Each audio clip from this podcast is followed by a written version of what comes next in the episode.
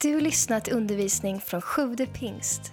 Vi hoppas att Guds ord ska tala in i ditt liv och fördjupa din relation med Jesus. Besök gärna vår hemsida, www.sjuvdepingst.se. Vi ska läsa två bibelställen i Hebreerbrevet, det tolfte kapitlet och den fjortonde versen. Jag sa till Herren när den här underbara atmosfären kom, jag behöver inte predika idag. Ta kontrollen. Gör vad du vill. Är ni beredda på om det kommer en sån gudstjänst och predikanten predikar inte? Någonting oväntat hände. Vi bara flödar på.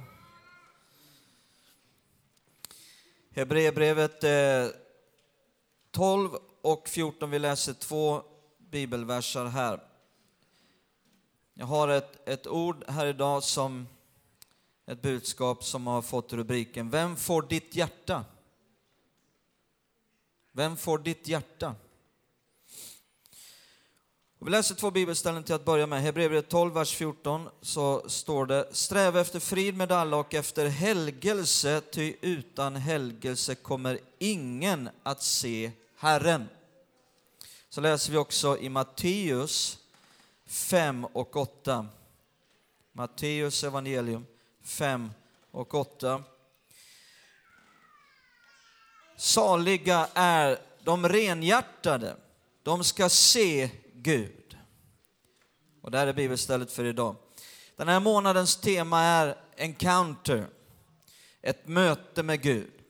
Och de här orden, att se Gud, har också på något vis lyst fram under den här månaden. Att se Gud. Eh, och det här temat den här månaden leder fram till encounterhelgen eh, nu och encounterdygnet eh, fredag, lördag nu den här veckan eh, som börjar på fredag. Då vi besöks av Jerry och Teresa Van och jag är helt säker på att vi kommer bli rikligt välsignade. Jag vill idag koppla eh, med det jag predikade om för två veckor sedan när vi hade visionsgudstjänst och temat var porten in i visionen. Och bibelordet i Josua 3 och 5 Helga er, för imorgon ska Herren göra under bland er. Eh, och då läste vi det här bibelstället i Hebreerbrevet 12.14 där det står att utan helgelse får ingen se Herren. Och det kan man ta som ett eh, krav, ett hårt krav liksom och läsa det ungefär som helgeneder, annars får du inte se Gud. Eller så kan man ta det som ett underbart löfte. Wow! Det står här att jag kan få se Gud. Det här är ju fantastiskt. Eh, och vi talade då om att helgelse är något helt underbart som kan inträffa i en människas liv. Eh, ju mer omfattande som helgelsen blir i en människas liv, desto mer fylls den människan med glädje, med frid, med eh, himmel i sitt liv eh, mer utav Guds härlighet, mer av tillfredsställelse, mer utav kraft i ens liv. Så därför är helgelse någonting helt underbart. Det är någonting som bara orsakar enorma positiva konsekvenser i en människas liv. Och här hittar vi nu igen ett bibelställe som talar om att se Gud. Saliga, säger Jesus, är de renhjärtade, för de ska se Gud. Och i den här meningen så är det som att Jesus summerar hela sitt uppdrag. Därför att Jesus han kom inte för att förändra människors yttre. Han kom inte med en ny uppsättning regler att hålla. Han kom inte med en ny religion eh, med en massa nya ceremonier och ritualer och lagar och paragrafer. Nej, han kom för att förvandla människors hjärtan. Och det här stod i sån eh, direkt motsats till den religion som de judiska fariseerna och skriftlärde bedrev. De bedrev en religion som var mer fokuserad på det yttre. Vi läser här i Matteus 15. Vi går framåt några kapitel. Så läser vi vad Jesus sa här i Matteus eh, 15, vers 1. Kolla in här. Eh, från den första versen. Sedan kom några fariseer och skriftlärde från Jerusalem fram till Jesus och frågade varför bryter dina lärjungar mot de äldstes stadgar? De tvättar inte händerna innan de äter. Ser ni att de är fokuserade på den yttre renheten snarare än det rena hjärtat? Titta i vers 8. Detta folk ärar mig, säger Jesus då han citerar. Detta folk ärar mig med sina läppar, men deras vad då? Hallå? Deras vadå? Hjärtan. Alltså jag har fått det här med hjärta på mitt hjärta idag. Så nu gäller det att du hänger med här. Jag vill tala om hjärtat. Vem får ditt hjärta? Eh, här står det då att eh, deras läppar ärar mig, men deras hjärtan är långt ifrån mig. Och så går vi fram till vers 18 till 20.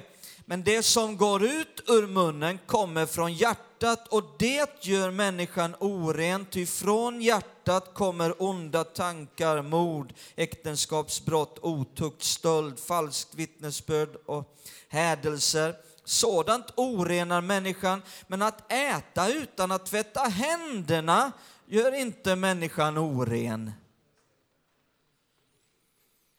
Eh, vad Jesus förklarar är att om hjärtat renas eh, eh så kommer också det yttre att bli förvandlat. Därför fokuserar han på hjärtat.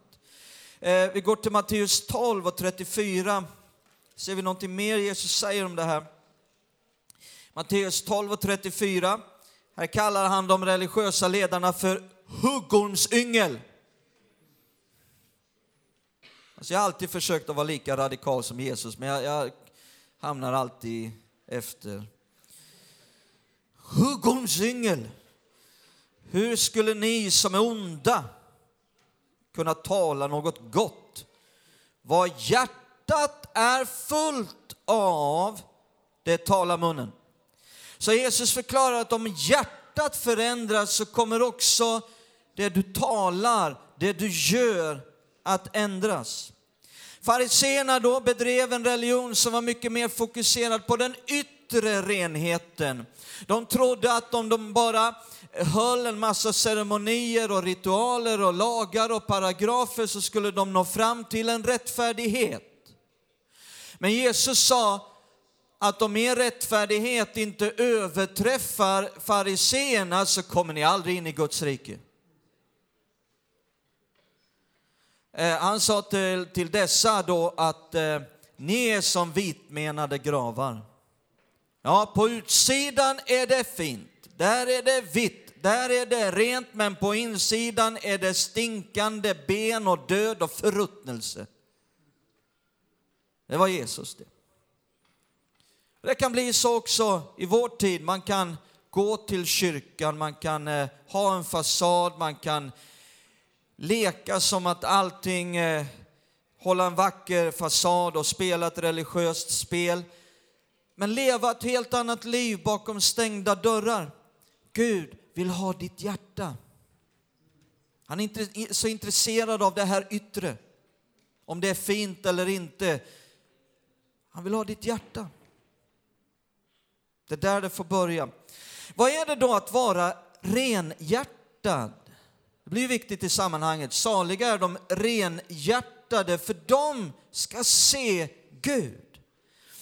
När Jesus säger renhjärtat så handlar det inte bara om eh, förlåtelse, att vara född på nytt, att den invärtes människan har blivit en ny skapelse, att man har blivit renad från synd i sitt liv, utan det grekiska ordet och, och också, eh, man ser, man behöver inte ens kunna grekiska för att se det, vi ska se det strax, är att eh, eh, ett rent hjärta handlar minst lika mycket om, och kanske mer, om att inte ha ett blandat hjärta. Ett uppblandat hjärta, ett mixat tillstånd. Vi säger ju till exempel, är det rent guld? Är det rent silver? Koppar? Eh, och när vi då säger på det sättet, är det rent guld, då menar vi inte, är det fritt från smuts? Eller hur? Utan vad menar man när man säger det rent guld? Ja, då menar man, är det rent guld eller är det en blandning? Är det en legering, eller vad säger man? Det vill säga, finns det annan metall i det här? Eller är det rent guld? Det är det som det handlar om när Jesus säger rent hjärta. Ett oblandat, ett omixat hjärta. Eh, titta här ska du få se i Jakobs brev 4.8 att eh, Bibeln bekräftar detta, att det är det det handlar om, kanske i första hand. Så naturligtvis är det, är det viktigt med också rening från synd och smuts, det är inte det jag säger. Men det här är viktigt att, att, att förstå. Jakobsbrev 4.8. Jakobsbrev 4.8. Närma er Gud. Det är det som hela den här månaden fokuserar på. En kanter, ett möte med Gud, att se Gud. Närma er Gud så skall han närma sig er. Wow! Tar du ett steg mot Gud så tar han två steg mot dig. Är inte det fantastiskt? Du kanske tänker i ditt sinne liksom att alltså tar jag ett steg mot Gud, då sticker han. Han vill nog inte ha med mig att göra därför att det, nej. Tar du ett steg mot Gud, han älskar dig. Han längtar efter att vara med dig.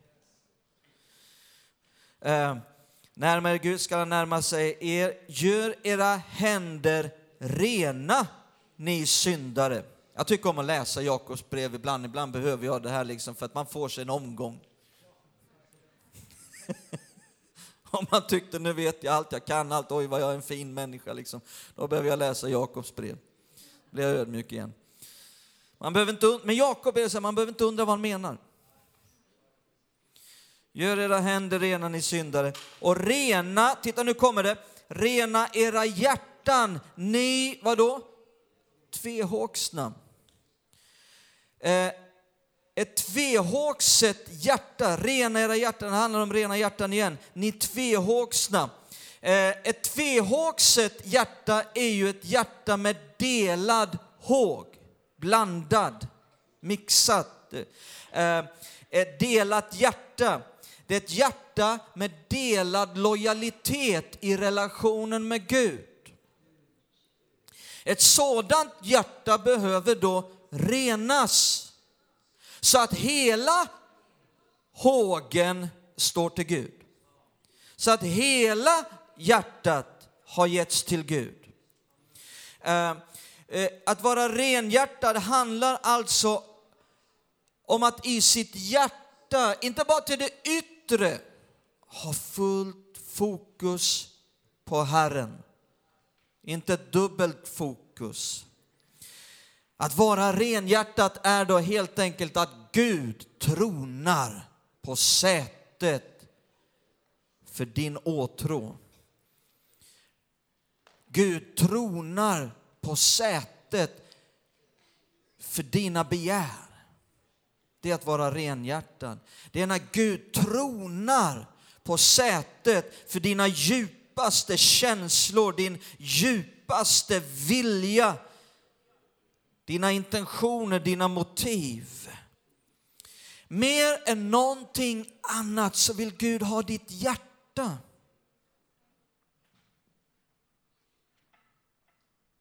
Mer än någonting annat. Vem får ditt hjärta? Mer än någonting annat vill Gud ha ditt hjärta. Eh, han är mer intresserad av vad han kan göra i dig än vad han kan göra genom dig. Du vet, många är så upptagna, vad, vad, vad ska Gud göra genom mig? Och, och, och, och, kanske ibland när människor är som mest upptagna vad Gud kan göra genom dem, så är Gud som mest upptagen vad han kan göra i dem. För, för, för blir det rätt med hjärtat, då löser sig det andra. kommer bara flöda sen det här andra genom. Titta nu min tredje och sista punkt. Konsekvenserna då av att se Gud. Eh, som vi sa när vi talade om helgelse då för två veckor sedan, så blir det enorma positiva konsekvenser utav att se Gud. eh, eh, utan helgelse får ingen se Gud, men det blir enorma positiva konsekvenser utav helgelse och utav att se Gud. Jesus sa, vad sa han? Sura är de renhjärtade. Nedtyngda är de renhjärtade. De går och hänger läpp och ser betryckta ut. Nej, vad sa Jesus?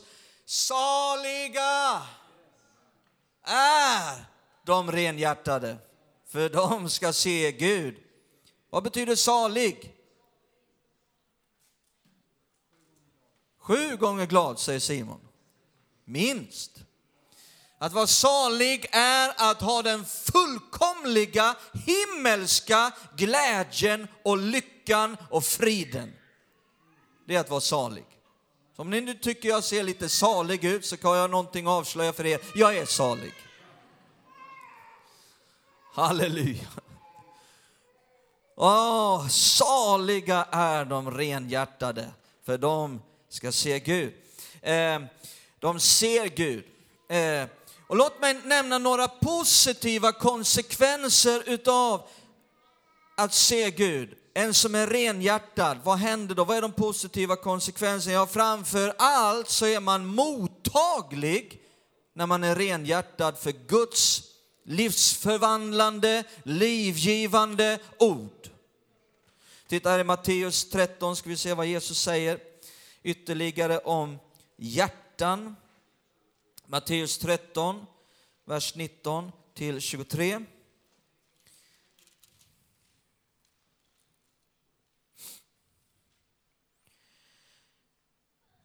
Matteus 13, 19. Eh, ja, Jesus har, han har gett den här liknelsen om, om såningsmannen som går ut och sår. Och då förklarar Jesus innebörden med den här liknelsen i Matteus 13, 19 till 23. När någon hör budskapet om riket, Gudsordet om riket, men inte förstår det, kommer den onde och rycker bort det som har blivit sått i hans hjärta. Det är sådden vid vägen. Det här är liksom väghjärtat. Det såddes på vägen. Så det finns den typen av hjärta där den onde bara rycker bort hela tiden det som sås. Vers 20. Det som såddes på stenig mark är den som hör ordet och genast tar emot det med glädje men inte har någon rot. Han håller ut endast en tid och möter han lidande eller förföljelse för ordets skull så kommer han genast på fall. Det finns då den här jordmånen, den här typen av hjärta där gudsordet då landar, men det är stenig mark. Titta vers 22. Det som såddes bland tistlar är den som hör ordet, men världsliga bekymmer och bedräglig rikedom kväver ordet så att det blir utan frukt. Där är det delat fokus i det hjärtat.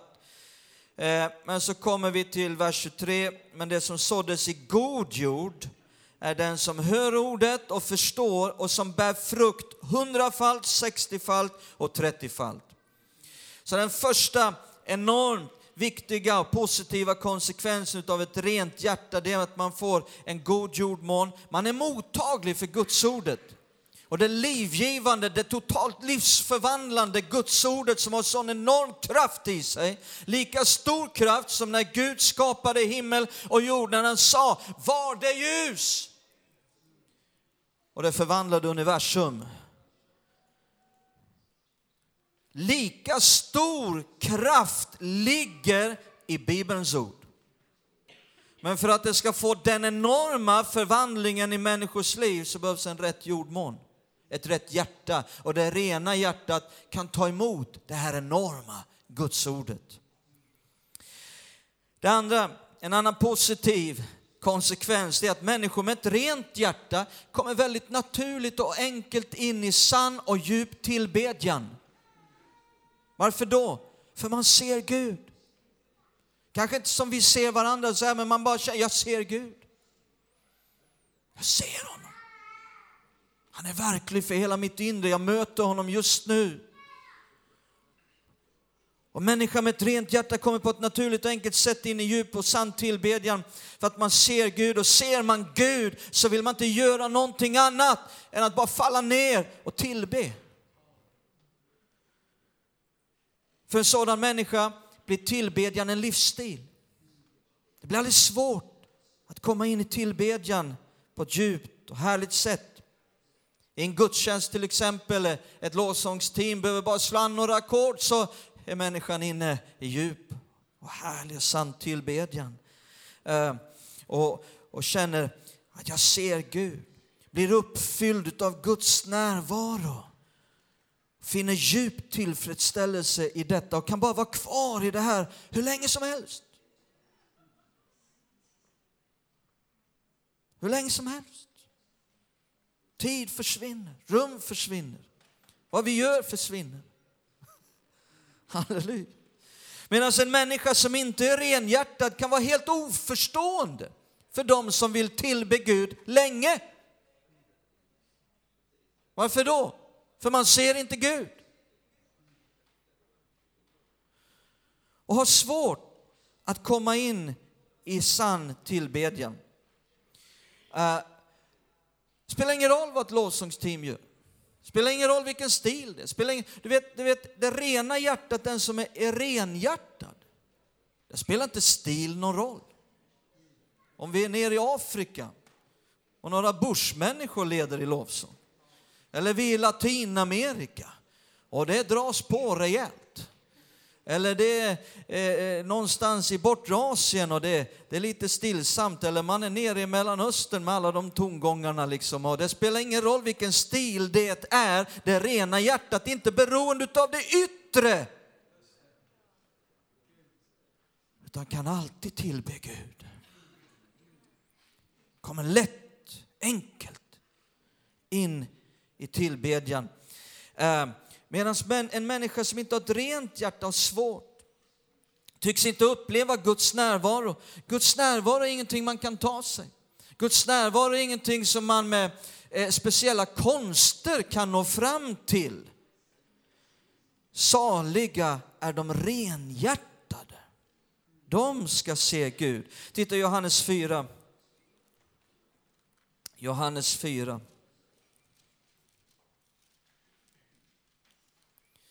Vers 23 till 24. Vers 23 till 24. Jesus säger, men en tid kommer, ja den är redan här, då sanna tillbedjare ska tillbe Fadern i ande och sanning, till sådana tillbedjare vill Fadern ha. Gud är ande och de som tillber honom måste tillbe i ande och sanning. Det står inte här att Gud vill ha tillbedjan. Lade du märke till det? Gud är inte ute efter tillbedjan, han är ute efter tillbedjare. Det är sådana tillbedjare vill Fadern ha. Han söker tillbedjare, människor som är renhjärtade, människor som i sitt hjärta ständigt tillber Gud. Ständigt ser honom i sitt hjärta, eh, har en livsstil av tillbedjan. En sådan människa har också ett starkt och rikt böneliv. Varför då? För man ser Gud och bara längtar efter att bli ensam med Gud och få tala med Gud. En sådan människa har mycket att tala med, med Gud om. Det är en annan konsekvens. En människa som är renhjärtad, här kommer den sista konsekvensen jag vill lyfta fram. Det finns ju mycket mer. Men en människa som är renhjärtad har alla förutsättningar för en stark tro. För tro är av hjärtat snarare än huvudet. Titta här snabbt, Romarbrevet 10 och vers 9.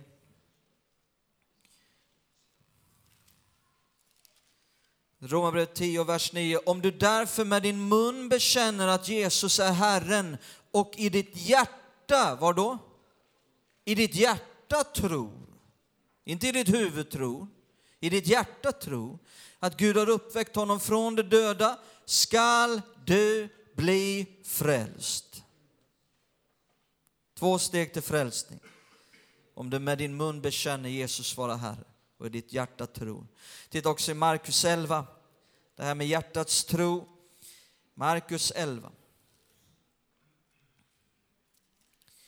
Och vers 23. Jesus säger, amen säger jag er, om någon säger till detta berg, lyft dig och kasta dig i havet och inte tvivlar i sitt huvud. Nej, du kan ha tvivel i huvudet och tro i hjärtat. Faktiskt. inte tvivlar i sitt hjärta utan tror att det han säger skall ske, då skall det ske. Halleluja! Det är hejdundrande ord det här alltså.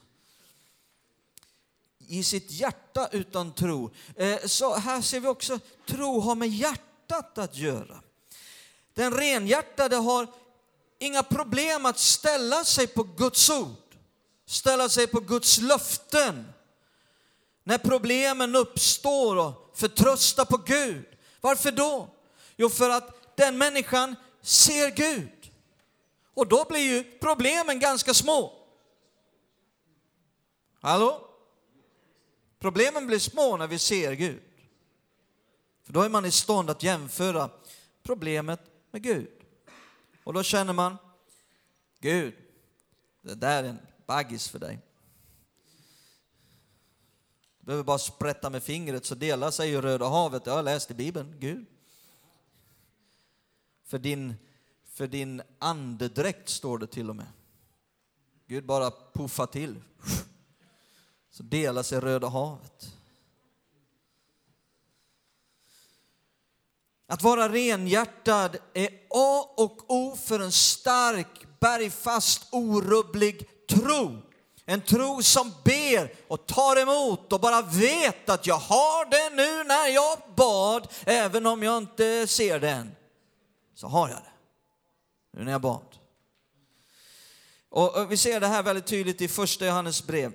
Jag ska avsluta med några verser här i första Johannes brev. Titta här i, i, i vers kapitel 5 först, ska vi se sen i kapitel 3. Ehm, just de här sakerna. Första Johannes brev 5, vers 14 till 15. Och detta är den tillit vi har till honom, att om vi ber om något efter hans vilja så hör han oss. Och när vi vet att han hör oss, vad vi än ber om, så vet vi också att vi redan har det som vi bett honom om. Jag har det redan.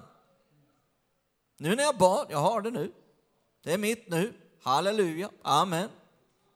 Behöver inte be en gång till, jag har det nu. Det är en härlig tro. Eh, men titta nu här, det var trons bön.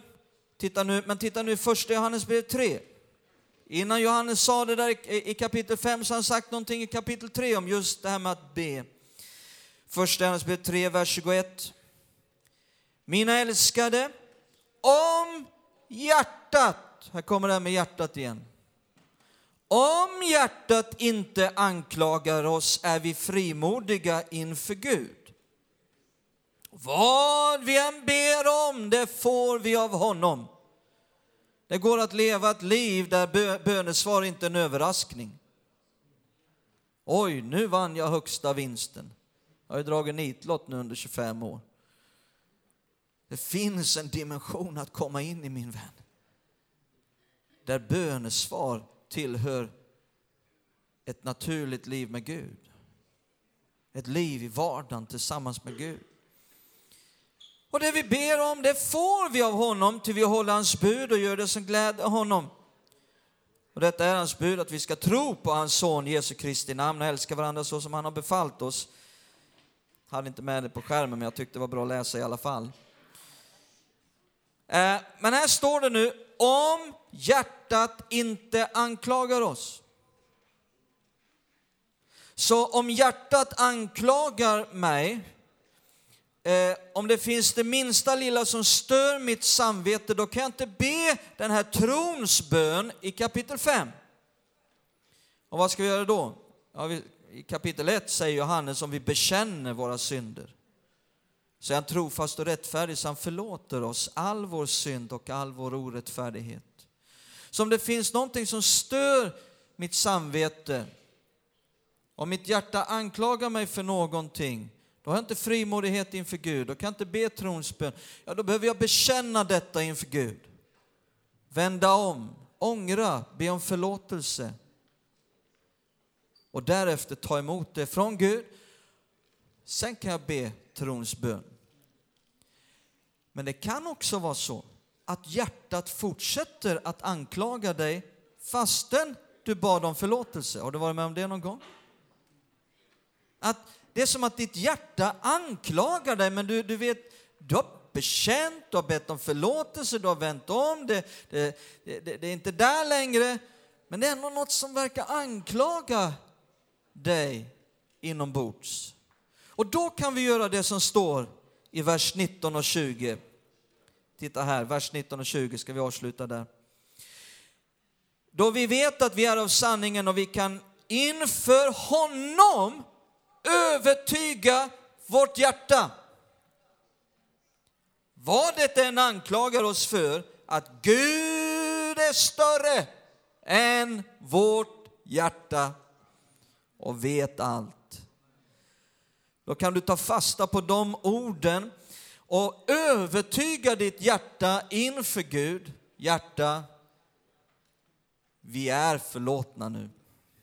Sluta med anklagelserna. Och så kan du nå fram till en punkt där du har övertygat ditt hjärta inför Gud med hjälp av Guds ord och löften. Nu kan jag be trons bön. Det är underbart. Ja, jag minns ett tillfälle då efter en gudstjänst för en del år sedan så var det en, en kvinna som hon kom fram, hon var väl kanske runt 60 år, hon ville få bli frälst. Men hon kunde inte tänka att Gud skulle förlåta henne. Men hon ville be frälsningsbön, hon ville och liksom men hon kunde inte tänka att Gud skulle förlåta henne. Hon sa, ni vet inte vad jag har gjort. Ni vet inte vad jag har gjort i mitt liv och jag och Vicky vi stod med henne i köket, jag tror i tre timmar. Hon grät. Floder. Vi tog fram alla kökshanddukar, jag överdriver inte. Vi, först var, hade hon blött ner alla servetter och sen letade vi efter kökshanddukar. Jag lovar, hon blötte ner kökshandduken. Hon grät något så hejdlöst. Hon var så i ett möte med Gud. Men det tog oss lång tid att till sist övertyga hennes hjärta om Guds löften, om Guds ord, att förlåtelse och nåd kunde gälla henne och till sist bröt det igenom. Och hennes hjärta kunde sluta anklaga henne. Nu hade hon fått förlåtelse, nu hade hon landat. Tack för att du lyssnat. Glöm inte att du alltid är välkommen till vår kyrka du hittar mer info på www.sjuvdepingst.se